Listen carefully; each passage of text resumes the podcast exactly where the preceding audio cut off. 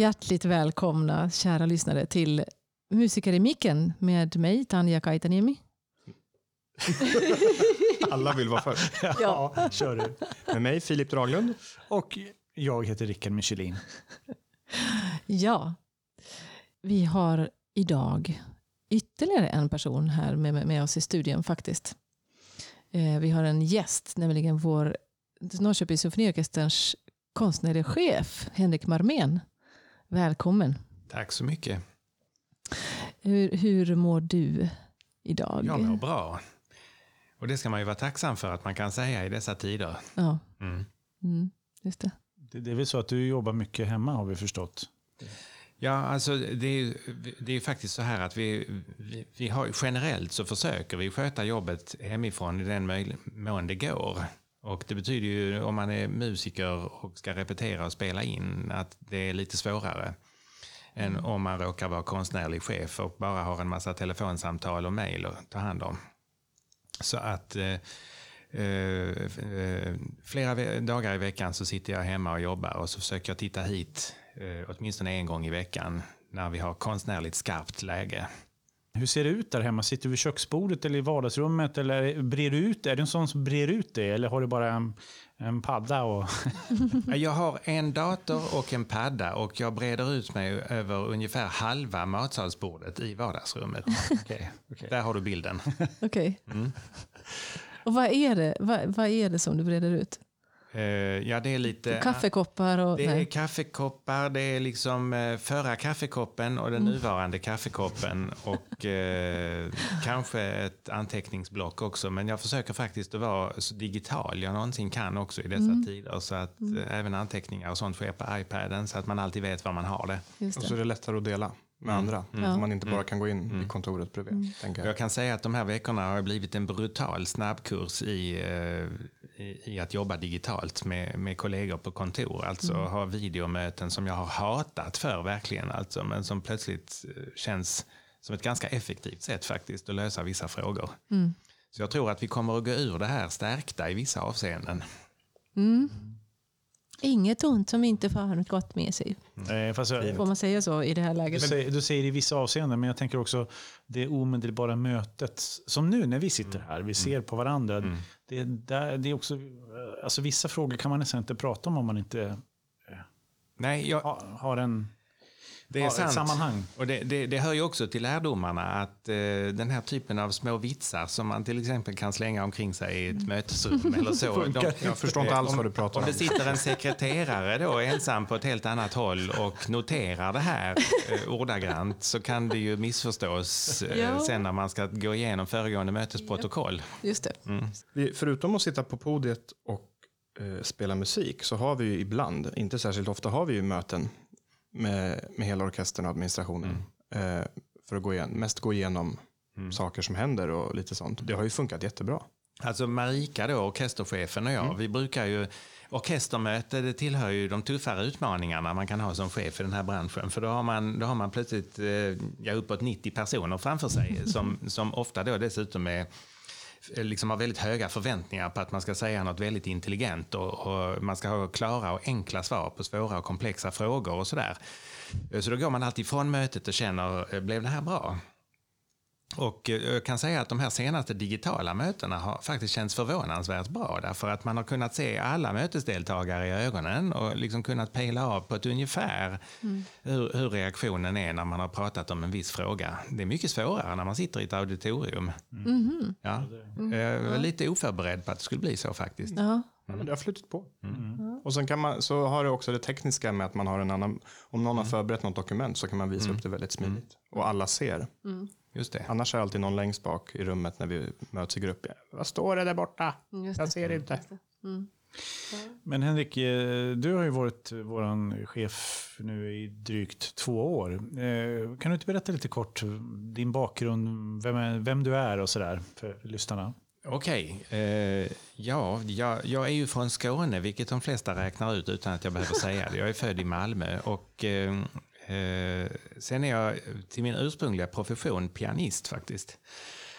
Så att Uh, ja, det råkade jag, jag, liksom bara, jag spelade piano och sen så gick det ganska bra. Det ena gav det andra. Så att jag råkade komma in på en, på en pianistutbildning. Och, uh, sen när jag var färdig med den så tyckte jag att uh, det var väldigt intressant att skapa program och anordna konserter också. Så att eh, jag började ganska tidigt med det där. Och, i form av olika sommarfestivaler och liknande. Och, och efter några år så upptäckte jag att ja, men det här gillar jag ju att göra. Så att eh, eh, när den här typen av arbete dök upp eh, i min väg första gången så tackade jag ja till det och eh, har känt att jag gjorde rätt då. Mm. Mm. Vart var det någonstans?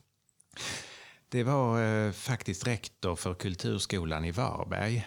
Mm. Och det, var, det, var, det var otroligt lyxig tjänst där faktiskt. Därför att där ingick det att vara konstnärlig ledare för en kammarmusikfestival. Där man både hade, alltså på betald arbetstid och dessutom förfogade över en kommunal budget. Mm. Det tror jag inte det är många kammarmusikfestivaler Nej. som har de förutsättningarna.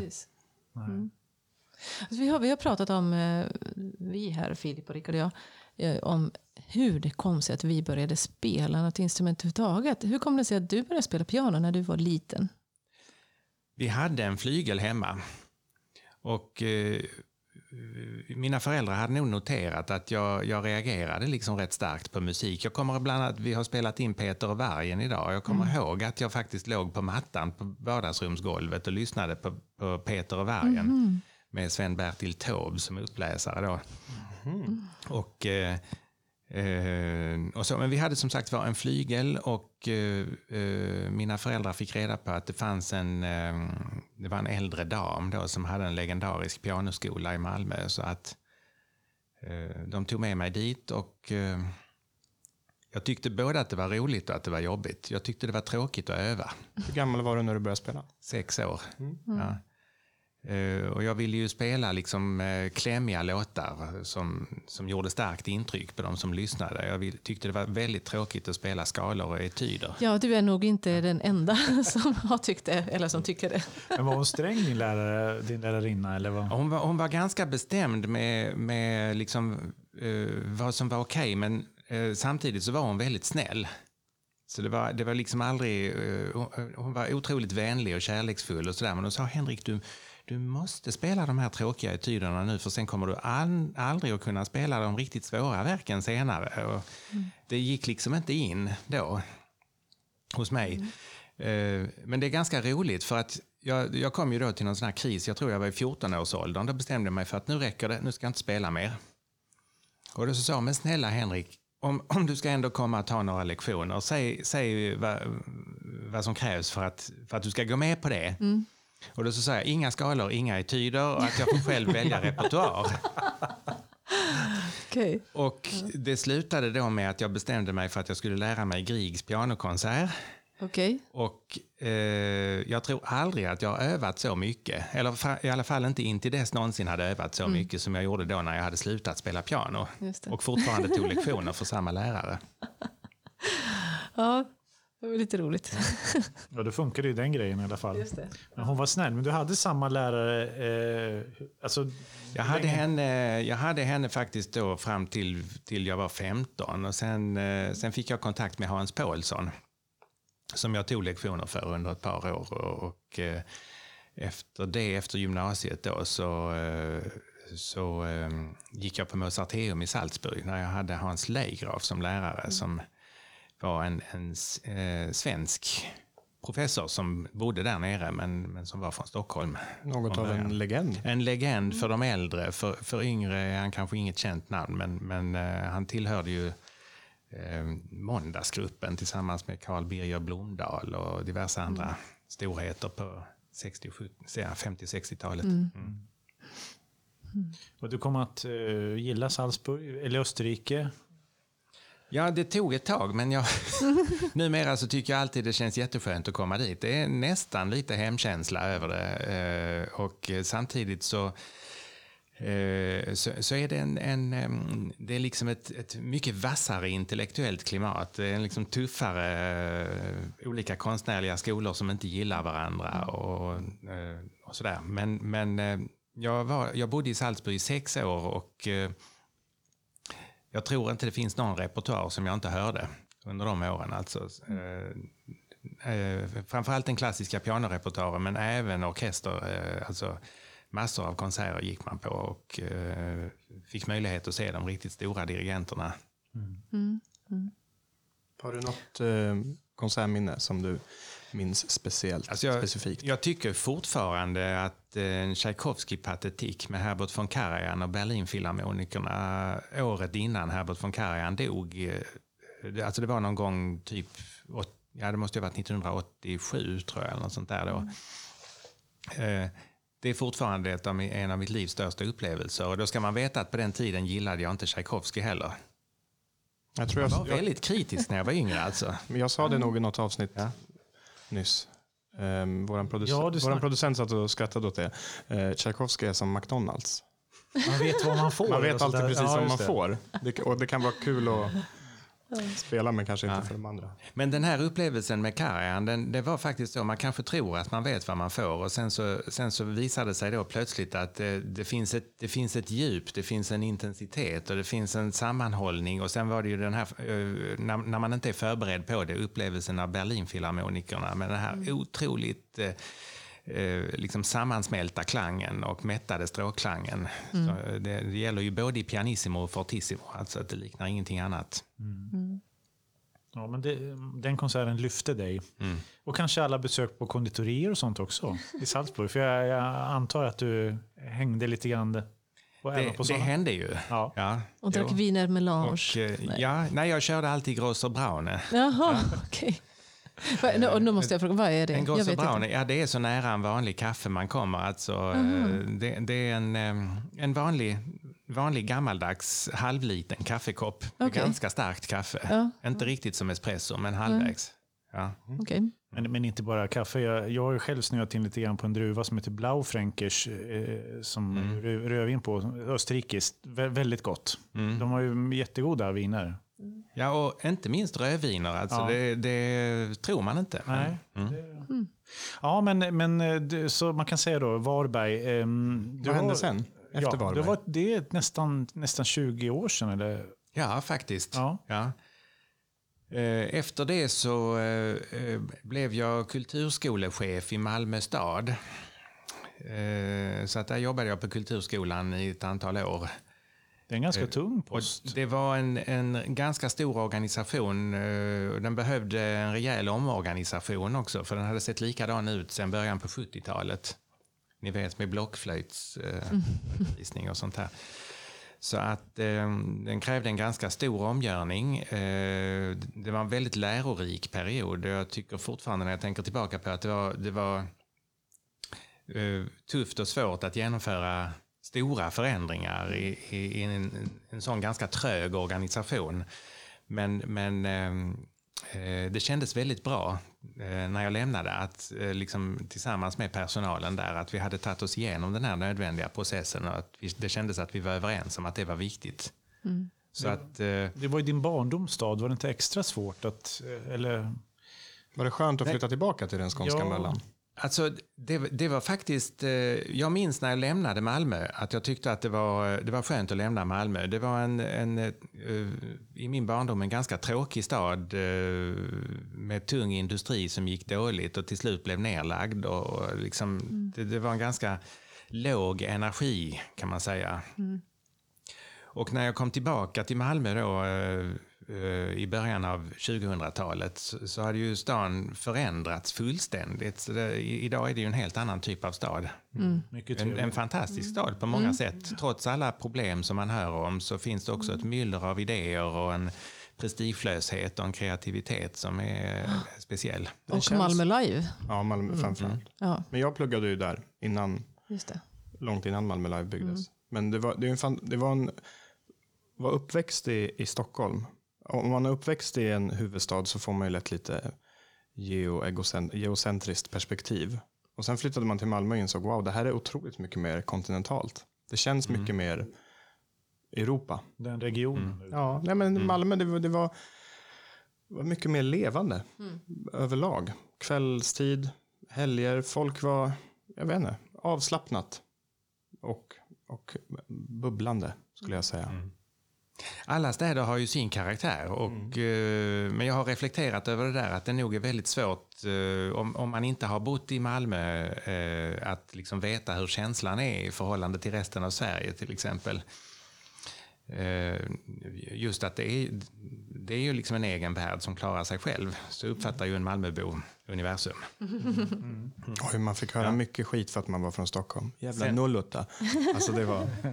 Och, och, och det har det väl blivit nu, Henrik? Eh, ja, det, är- det är ju det som är det märkliga. Fast eh, jag, det jag ville komma till var egentligen då att, att eh, eh, när jag nu kom till Norrköping då för två år sedan så upplevde jag ju också en stad som jag inte var bekant med sedan tidigare. Men Just som det. var en väldigt glad överraskning. Alltså med, ett, med ett rikt kulturliv och liksom en helt speciell, också en helt speciell eh, social känsla. Människor som är väldigt aktiva och angelägna om sin egen stad. Och, och som jag tror, alltså det, det är också en viktig mentalitet som jag tror är en förklaring till varför en eh, så pass stor orkester kan existera i en kommun som inte är större.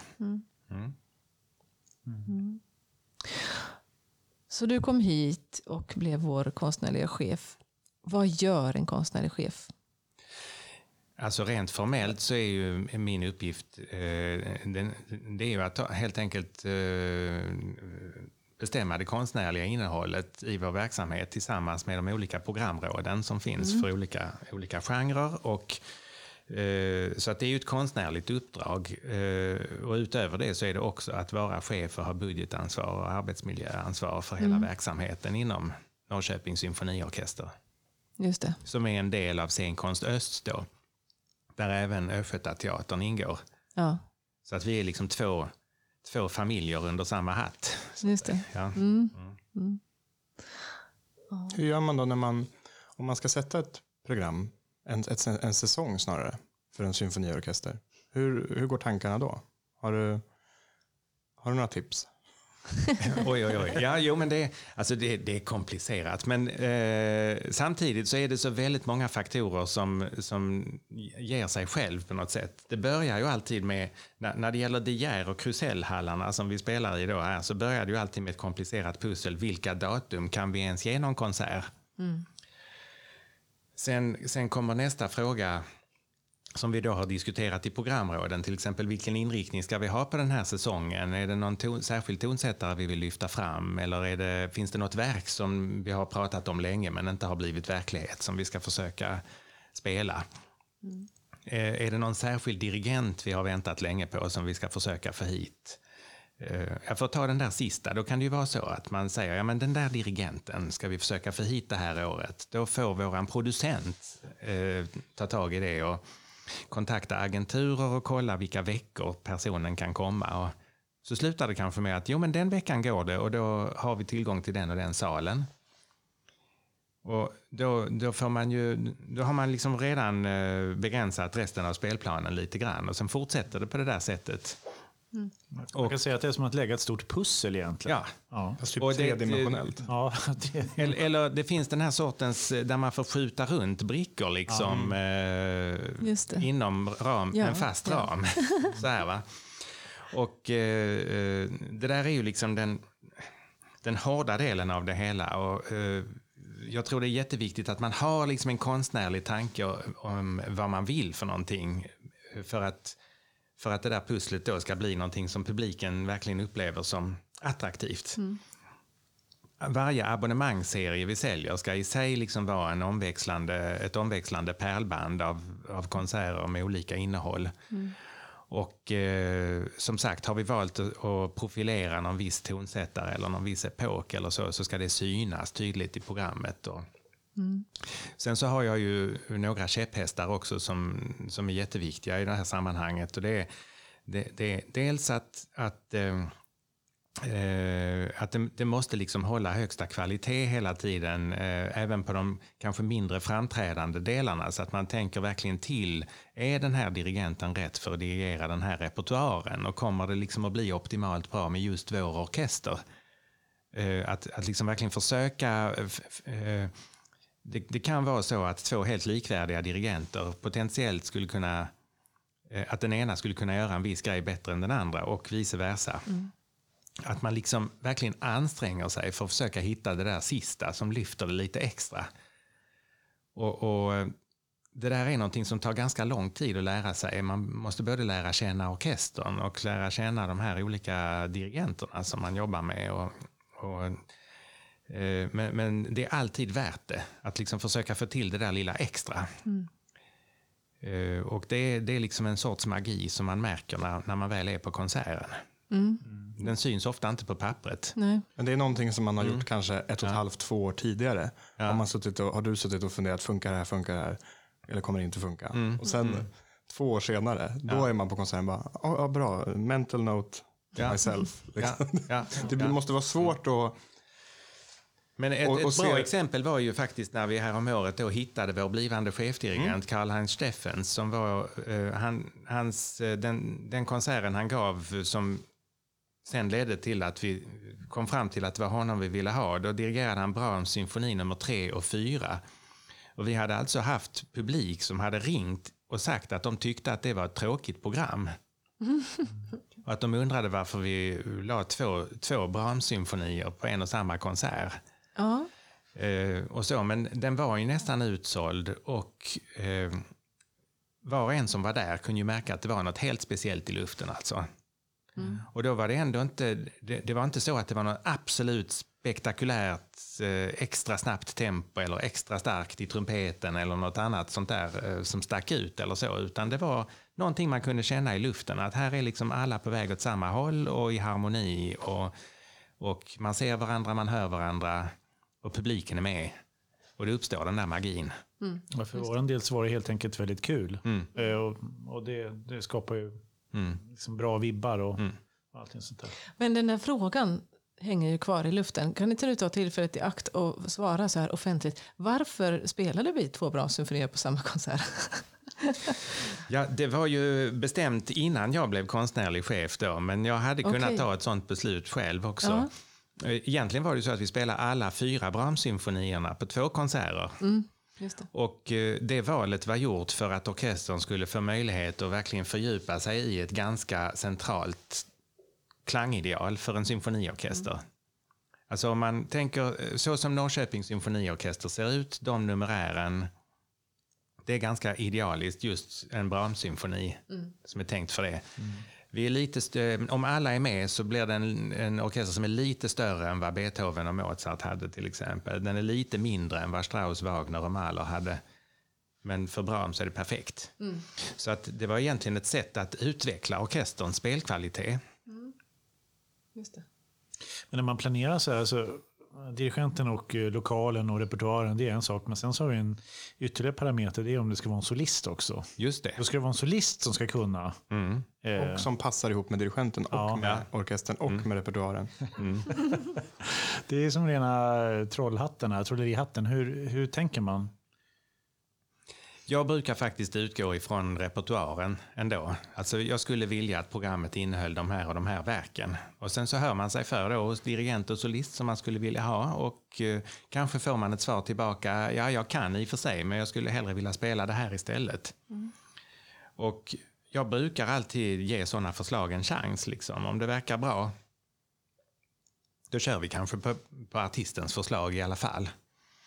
Men, men ibland så är det, passar det inte så bra och då får man leta vidare efter en annan solist. Mm. Men om man, om man till exempel spelar en Brahms-symfoni på ett program, mm.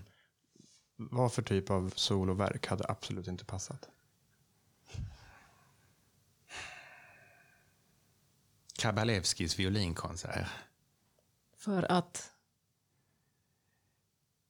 Ja, det blir liksom en eh, någon slags obegriplig skillnad i eh, konstnärligt motiv för verkets tillkomst på något sätt. Eh, som inte går att få ihop riktigt. Cellokonserten är väldigt bra faktiskt. Mm. Kabalevska, har ni hört den? Konserten också är väldigt bra. Men det kanske, mm. de kanske inte eh, passar in i... Ja, men det var, mm. han, mm. berättade jag det? Jag, jag, jag, lyssnar inte på de här poddarna så jag vet ju inte om jag upprepar mig. Men jag kör ändå.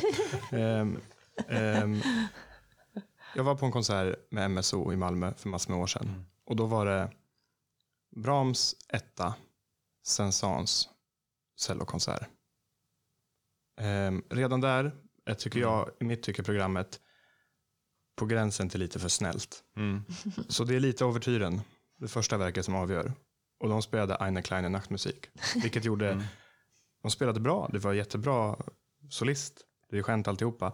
Men programmet, det blev lite för, Mm. lite för mycket McDonalds. Lite för mesigt. Ja, men, Det eh, är väldigt lätt förrätt Det- kan man säga. Det är ju tyngre. den här klassiska rätt. konflikten mellan tyskt och franskt. Alltså, den kan ju också vara svår att hantera stilmässigt. Eh, eh, för det, det är liksom ingen självklarhet att det korresponderar. Så det måste man ofta ha en klar tanke. Varför väljer man att ställa det mot varannat? Okej, kan du inte välja, om du får, du får välja vilken dirigent du vill, vilken solist du vill och helt och hållet vilket program du vill. Vad skulle vara den? Och det är såklart det är dags tycke för varje dag och vad man känner för just nu. Men vad skulle vara den för stunden perfekta konserten? Om budget inte var ett problem för extra musiker och dirigent och solist och vad det kan vara.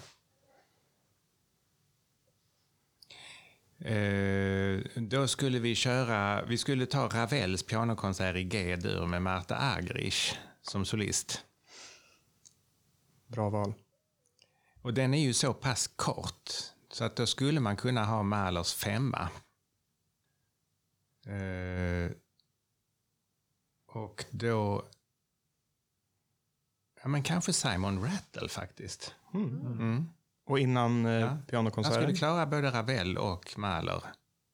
vad skulle det vara för öppningsverk då? Ja, det skulle inte behövas något då. De två bara? Mm. Ja.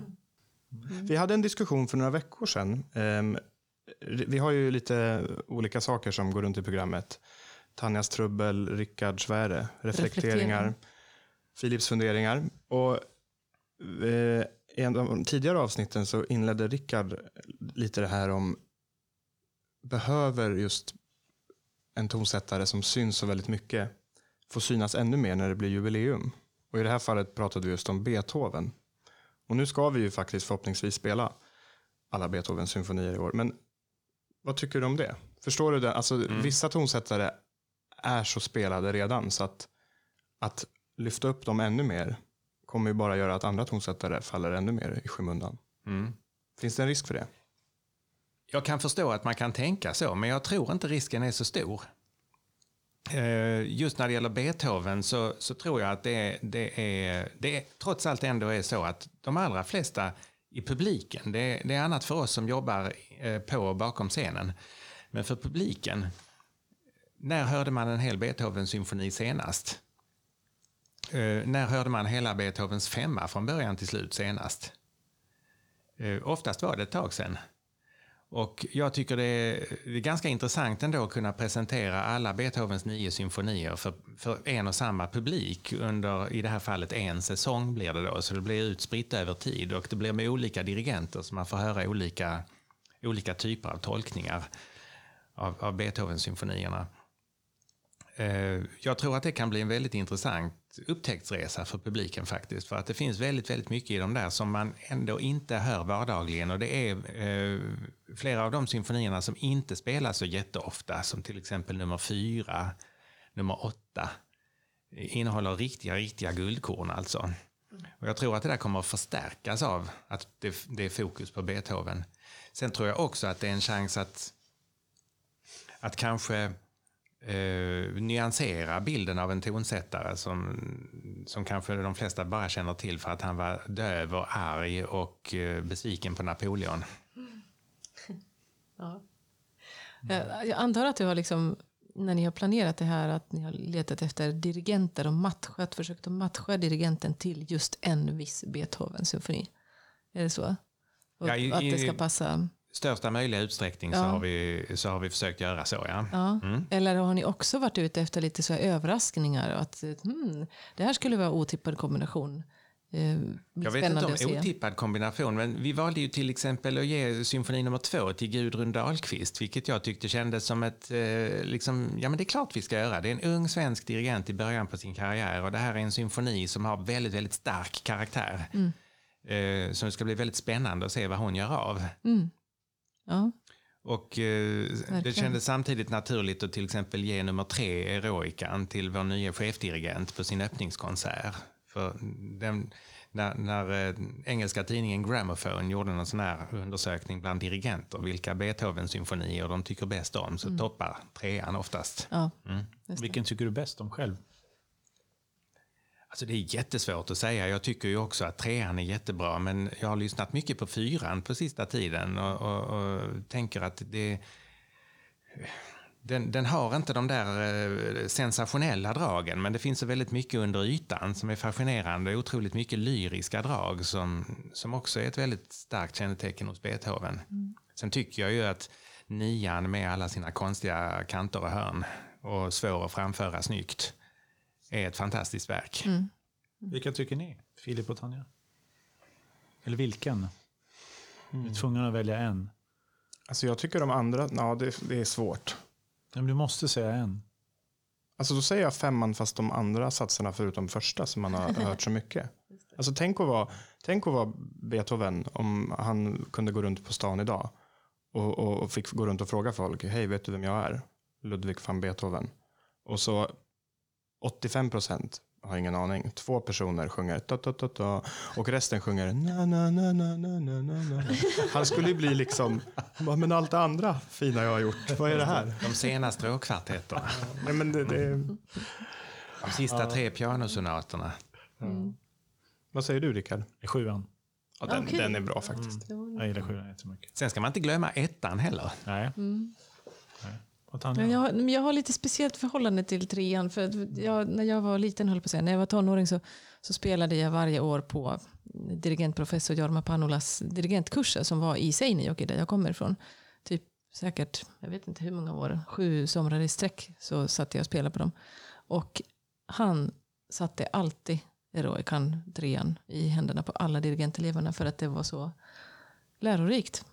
Den innehöll så många moment som, som man behöver kunna och lära sig och så. Så att det- den är lite speciell för mig efter alla de somrarna. Men då hade vi en varsin. Tre, fyra, fem, sju. Jag måste säga trean också. Eh, jag, vet, jag, kan inte, jag minns en gång när jag satt på bussen i Malmö. Och så var det på SVT Play på telefonen så kunde man se eh, Radiosymfonikerna och Harding göra just Beethovens trea i en tom bävelhall. De hade bytt ut alla lampor. De här många glödlamporna. Och det var så snyggt filmat. Och jag blev helt... Jag glömde bort tid och rum. Och sen när jag, när jag efter typ en halvtimme tittade upp igen, då var jag ju, jag vet inte var jag var. Kävlinge. Alltså jag var någon helt annan. Jag var, någon, jag var så långt bort från vart jag skulle gått av. Och det hade bara, man hade bara blivit fastsugen i det. Eller om det var, eller var det sjuan? Om jag Får jag ber- berätta en grej som inte alls har någonting med musik att göra utan bara med Skåne och eh, bussar.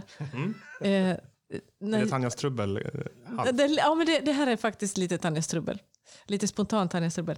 Eh, när jag, jag kommer från Finland och är uppvuxen i Finland och jag kunde visserligen svenska när jag flyttade till, till Sverige för att alla finnar har ju det obligatoriskt i skolan. Jag hade läst det sen från sjunde klass och hela gymnasiet och så. Men, eh, men eh, skånska ingick inte i svenska undervisningen i Finland. Det gjorde inte det. Och så bodde jag, jag pluggade på Kungliga Musikhögskolan i Stockholm och så skulle jag åka ner till Malmö och hälsa på en, en kompis som hade flyttat ner dit från Stockholm. Eh, och första, det var liksom första gången jag åkte till Skåne. Och så kom jag ut ur stationen. Jag skulle ta bussen till en viss adress i Malmö. Eh, och jag visste numret på bussen. Det här var typ innan eh, det fanns appar för bussar och eh, internet. Jag vet inte ens om internet fanns då. Jo, det kanske gjorde. Men i alla fall, så, så jag visste numret på bussen men jag visste inte vilket håll. Den gick liksom åt två håll. Och jag visste inte vilken sida jag skulle stå på. Liksom. Så, så jag, jag tänkte att okej, men, men nu kommer den bussen. Jag, jag, jag frågar chauffören. Så jag frågade chauffören, går den här bussen till vad det nu var för adress, Amiralsgatan någonting?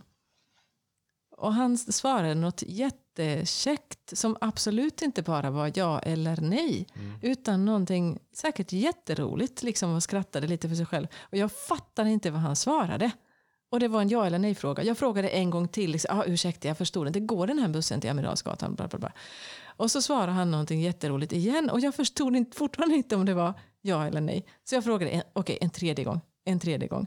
Ja, det- jag, jag förstod inte. Går den här bussen till den och den hållplatsen? Och, så, och jag fattar fortfarande inte vad han sa.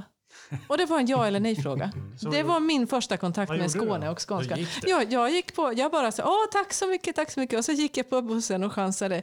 Och så, och så tänkte jag att okej, jag får helt enkelt läsa vad det står på, på hållplatsskyltarna. Mm.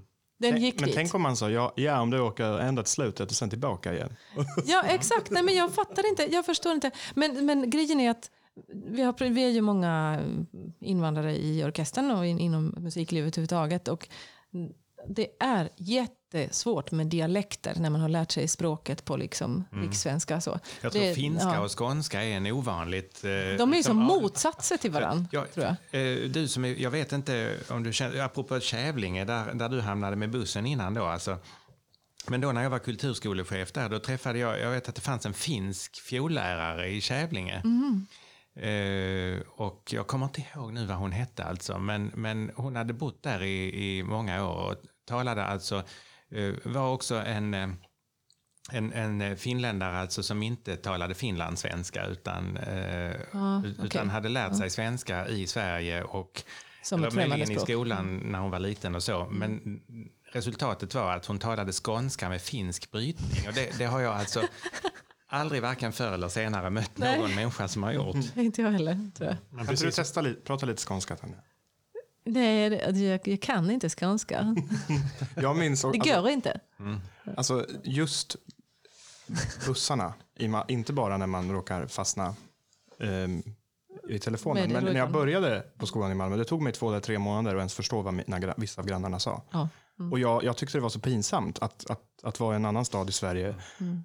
Eh, och inte kunna förstå. Så jag bara nickade och höll med. För man, Ja. man ville inte, det kändes så otroligt förolämpande. Mm. Men då Men det här fanns kan ju förklara varför, varför jag tycker ibland att det är svårt att få alla att förstå vad jag menar.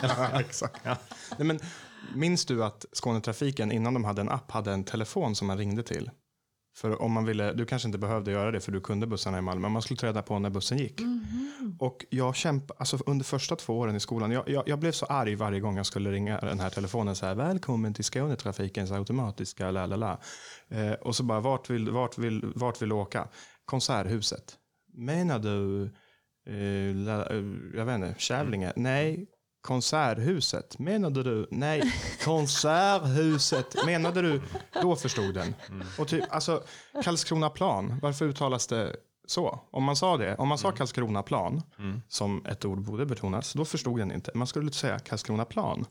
Eller Karlskronaplan. För att den skulle förstå. Alltså det var en, det var, det var en ständig fight med den där. men alla, alla, landskap, alla landskap har ju sina, eller alla dialekter har ju sina, jag menar, mer eller mindre svårt att förstå. Men jag tycker det är så svårt, som du sa Tanja, att var det tre gånger du fick fråga? Ja, Man frågar, man frågar någonting en gång och så två gånger. Och redan där börjar man ju bränna sina chanser. Så man har kanske möjligtvis en gång till. Och då, om jag inte förstår brukar jag säga, alltså, jag ber om förlåtelse men jag måste, kan bara säga det en gång till. Men sen har man liksom inga fler chanser känner jag. Nej. Då är det bara nicka eller eh, på något vis artighetsskäl om inte annat. Då blir man tvungen att gå över till det här att bara försöka förstå. Ja. Som ju innerst inne också musikerskapet faktiskt handlar väldigt mycket om.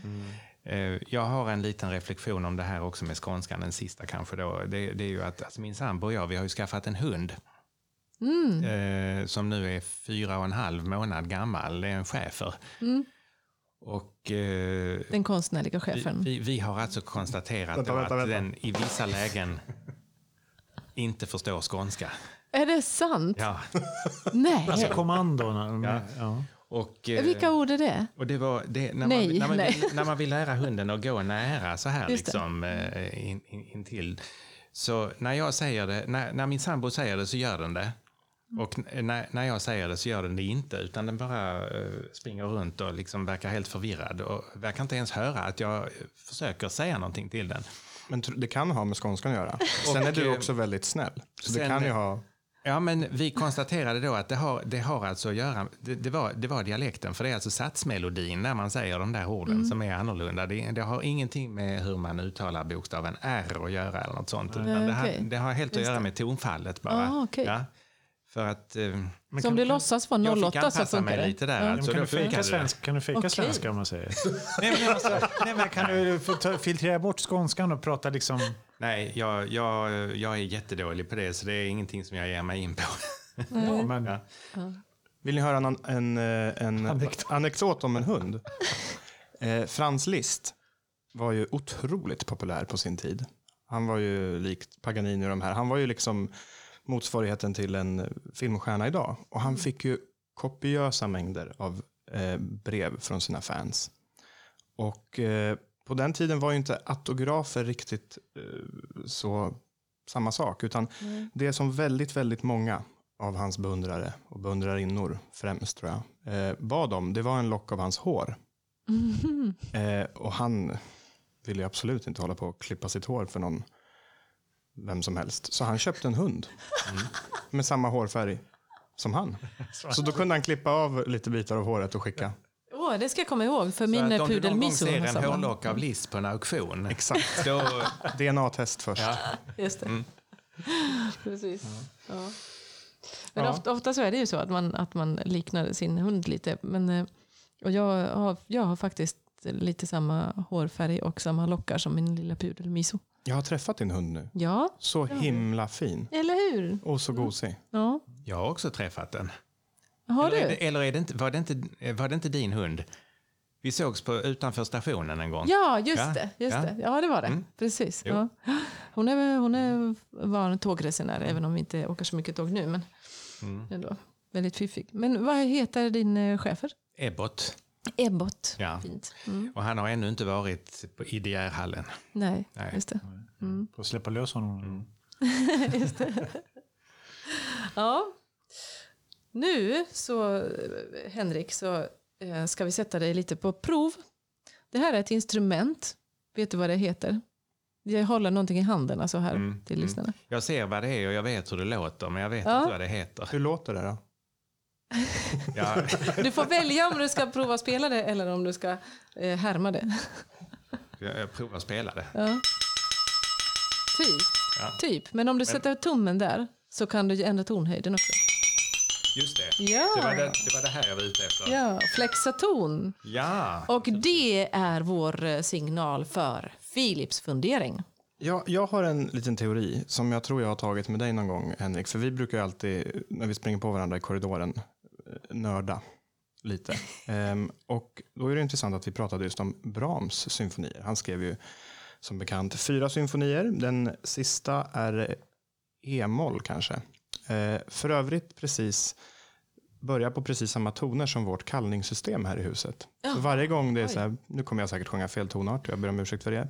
Bling, bling. Då brukar jag alltid fortsätta i mitt huvud. Bom, bim, bom, bom.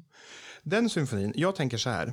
ehm, musikförläggare vill tjäna pengar.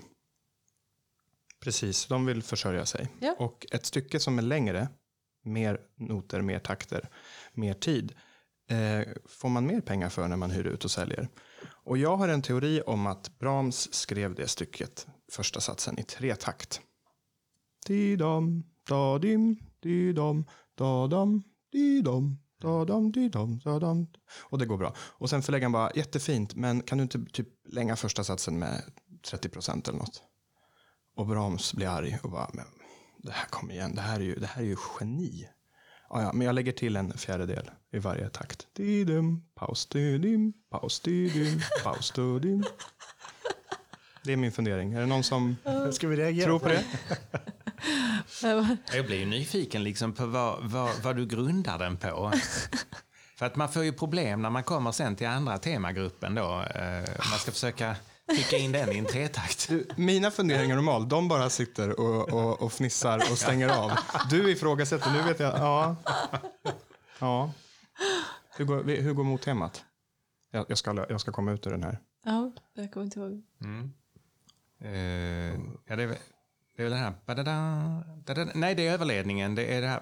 Badadi, det, är, det är något eh, som avslutas med den här... Badadadidididi. Sjunger du nu i tretakt Men, eller men fyrtakt? första halvan det. av det temat är ju nästan inget tema utan bara någon sorts eh, kompfigur. eh, Sådär. Mm. Jag tror det går. Mm. Och jag, för lyssnar man på en liten slarvig inspelning så är det faktiskt svårt att höra om det är tre eller fyrtakt. Ja. Ja, ja. Ehm, Jag tror vi börjar långsamt närma oss slutet. Men vi, förra veckan började vi med en liten lek. Jag kommer med lite alternativ och så får ni snabbt välja det ena eller andra. Kanske med en liten kommentar till. Men man måste välja. Det är lite det som är uppgiften. Vi hade några roliga för, eh, förra veckan. Jag har försökt göra några nya. Ehm, vi börjar där hos Henrik och så rör vi oss Mm. via Tanja till Rickard. Ehm, du måste välja en. Blåsorkester eller balalaikaorkester? Blåsorkester. Balalaika-orkester. Ja, det blir blåsorkester för mig också. Ja, jag tror jag kör på blåsorkester. Här är en som jag har valt lite mer, mer för att du är här. Ehm, men ni får alla såklart välja. Eh, Bach, Johann Sebastian Bach alltså, på cembalo. Eller på piano, men med väldigt mycket pedal.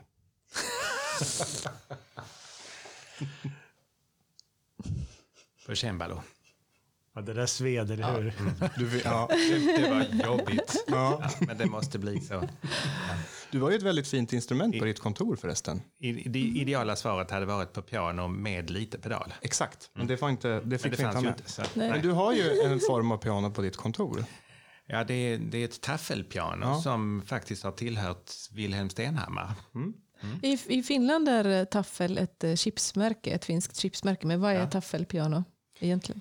Det är alltså ett piano där strängarna, eh, alltså det är som, eh, till skillnad från ett upprätt piano så ligger strängarna ner precis som på en flygel, men på tvären. Så den är inte så där lång som en flygel är, utan, utan mera som ett bord. Ja, det ser ut som en stor Den, sardinburk typ. eh, Som ju då är taffel. Just det. Tanja, cembalo. Cembalo. Jag har spelat, spelat barockfiol också. Cembalo, helt klart. Ja. Alltså jag har ju faktiskt en cembalo. Men jag, Jaha, jag tror ändå jag Har du? väljer... Ja, hemma? ja. Okej. Eh, men jag tror faktiskt jag väljer piano med pedal för att vara, gå lite mot, mot strömmen här. Eh, Okej. ehm, eh, tio timmar konstant av antingen Haydns symfonier eller Bruckner symfonier. Rickard? Oj, det var, det var faktiskt svårt. Alltså. Ehm, En hel dag. Du måste liksom sitta hemma och lyssna på dem. Du får inte påta i trädgården på samma gång. ja, det, ska, det, ja, det blir nog Haydn ändå. Jag har ju haft en sån här tokig idé om att vi borde göra alla Haydns eh, 106 symfonier På en konsert. på en, på, på en, typ på en, ett dygn. Sådär. Ska man köpa en, en multibiljett så kan man komma och gå när man vill. Så har vi eh, orkestern byts ut med olika, man spelar ett antal symfonier så byts man ut. Det är väldigt högt tempo. Man ska hindra Det är högt tempo, 106 absolut. symfonier på Precis. 24 timmar. 24 hours liksom, Haydn. Eh, nej, men, och så ingår det mat och sådär. Men, nej, men det får bli Haydn. Man borde göra så här som på Stampen, jazzklubben, att man, man betalar för varje set man lyssnar på. Ah. Så för varje symfoni får man lägga en 20-lapp eller någonting. Tanja? Jag tror... Gud, vilken svår fråga. Mm. Ehm, jag tror att det skulle bli Bruckner ändå. Faktiskt. För att? Jag vet inte. Jag tror att mina öron skulle tröttna på Haydn snabbare. På något sätt. Mm. Också för att Bruckner symfonier är lite längre så man får liksom lite färre helheter känns det som. Så, så det känns inte lika mycket kanske som att man matas med sats efter sats efter sats efter sats. Så liksom. Mm. Henrik? Ja, det blir Haydn för mig också. Jag tror, alltså, eh, jag är en stor beundrare av, av Bruckner, särskilt vissa av hans symfonier. Eh, tycker jag verkligen är såna här bland mänsklighetens stora eh, stora efterlämningar. Men, men, men eh, att lyssna på det i tio timmar, det tror jag riskerar att eh, liksom få en kontraproduktiv effekt. Ja. Med, medan däremot Haydn är ju en tonsättare som eh, liksom kan verka... Eh, många tycker att det, där att det är likadant, att man inte kan höra skillnad. Vilken, är det nummer 103 eller 104 nu? Och, och så vidare. Men det är någonting med Haydn som gör att det liksom finns, eh, det finns inget tak. Va? Det, det, det rymmer hur mycket som helst. Eh, och man kan, eh, man kan skala potatis och man kan läsa böcker och man kan eh, byta däck på bilen. Eller man kan sitta och fundera på, eh, analysera den här symfonin man lyssnar på. Allt går att göra till Haydns musik. Mm. jag håller med. Haydn är musik som man kan verkligen lyssna till och, och njuta av och nynna med. Eller, eh, men den går också att ha som bakgrundsmusik till om man bara tänker, eller vad man nu skulle göra i det här exemplet. Bruckner, det blir väldigt lätt mättat skulle jag säga. Okej, jag har en till som är med musik att göra och sen har jag två, tre lite allmänna. Ehm, I det här scenariot så har vi lämnat jordelivet och det är vår begravning och vi har, fått, vi har bestämt vad som ska spelas för musik på den här begravningen. Och då är det två alternativ som jag vill att ni tar ställning till och väljer rätt. Det är antingen eh, romansen ur Lars-Erik Larssons pastoralsvit, ni vet. Du, du, du, du, du, du, på solopukor. Eller Nattens drottning, arian av Mozart. På barytonsaxofon. Nu ska, nu ska vi, det ligger ingen värdering i instrumentvalet här, det måste vi betona. Det, det roliga här är väl att kanske stycket i sig inte fungerar så väl med instrumentet. Jag tycker båda instrumenten är jättefina i rätt sammanhang. Men nu måste ni välja. Lars-Erik Larsson på solopukor eller Na- Nattens drottning med orgel då, och barytonsaxofon. Varsågoda. Får jag börja? Jag skulle ta pukorna. Det får bli baryton för mig. Ändå. Jag kan inte föreställa mig romanser med buk. Nej, inte jag heller. Men jag, men jag, jag tror att jag skulle... Eh, liksom, jag tror att det skulle bli mer störigt med, med Nattens drottning på bariton än, än på lite en vacker melodi på, på pukor. Jaha. Bom, bom, Ja. bom. Och Henrik då? Det blir nog Nattens drottning för min del. Jag, jag gillar Mozart. Men hur tror du den skulle låta på barytonsaxofon? Ja, men man ska inte, det ska inte motiveras och grejer så här. Nej, nej, nej, alltså, nej, ni nej. får... Ja, det, om man vet hur en barytonsaxofon låter så är det ju bara att föreställa sig. Mm. Jag tror det skulle kunna bli väldigt uttrycksfullt men väldigt annorlunda. Och eh, kanske också att, att eh, den här barytonläget skulle kunna göra att den blev lite mer passande för en begravning än i originalversionen för dramatisk sopran. Okej, om det var en, jazz, en rocksaxofonist då? Hade du fortfarande hållit i vid Mozart? Ja, men jag hade nog gjort Ja. det. Ja. Jag hade nog också kört på Mozart faktiskt. Okej. Eh, av, av anledningen att båda hade varit väldigt udda val. Eh, men att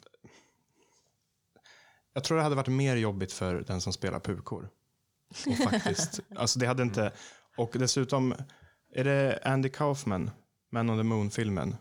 Eller det är någon film där, de, där han på sin egen begravning har valt massor med glad musik.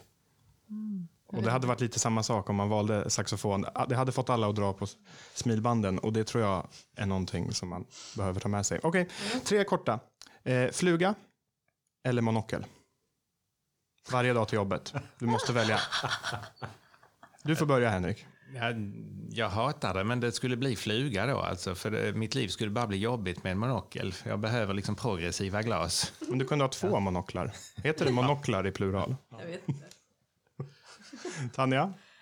Eh, fluga. Fluga. Va? Jag trodde verkligen att du skulle välja monokel.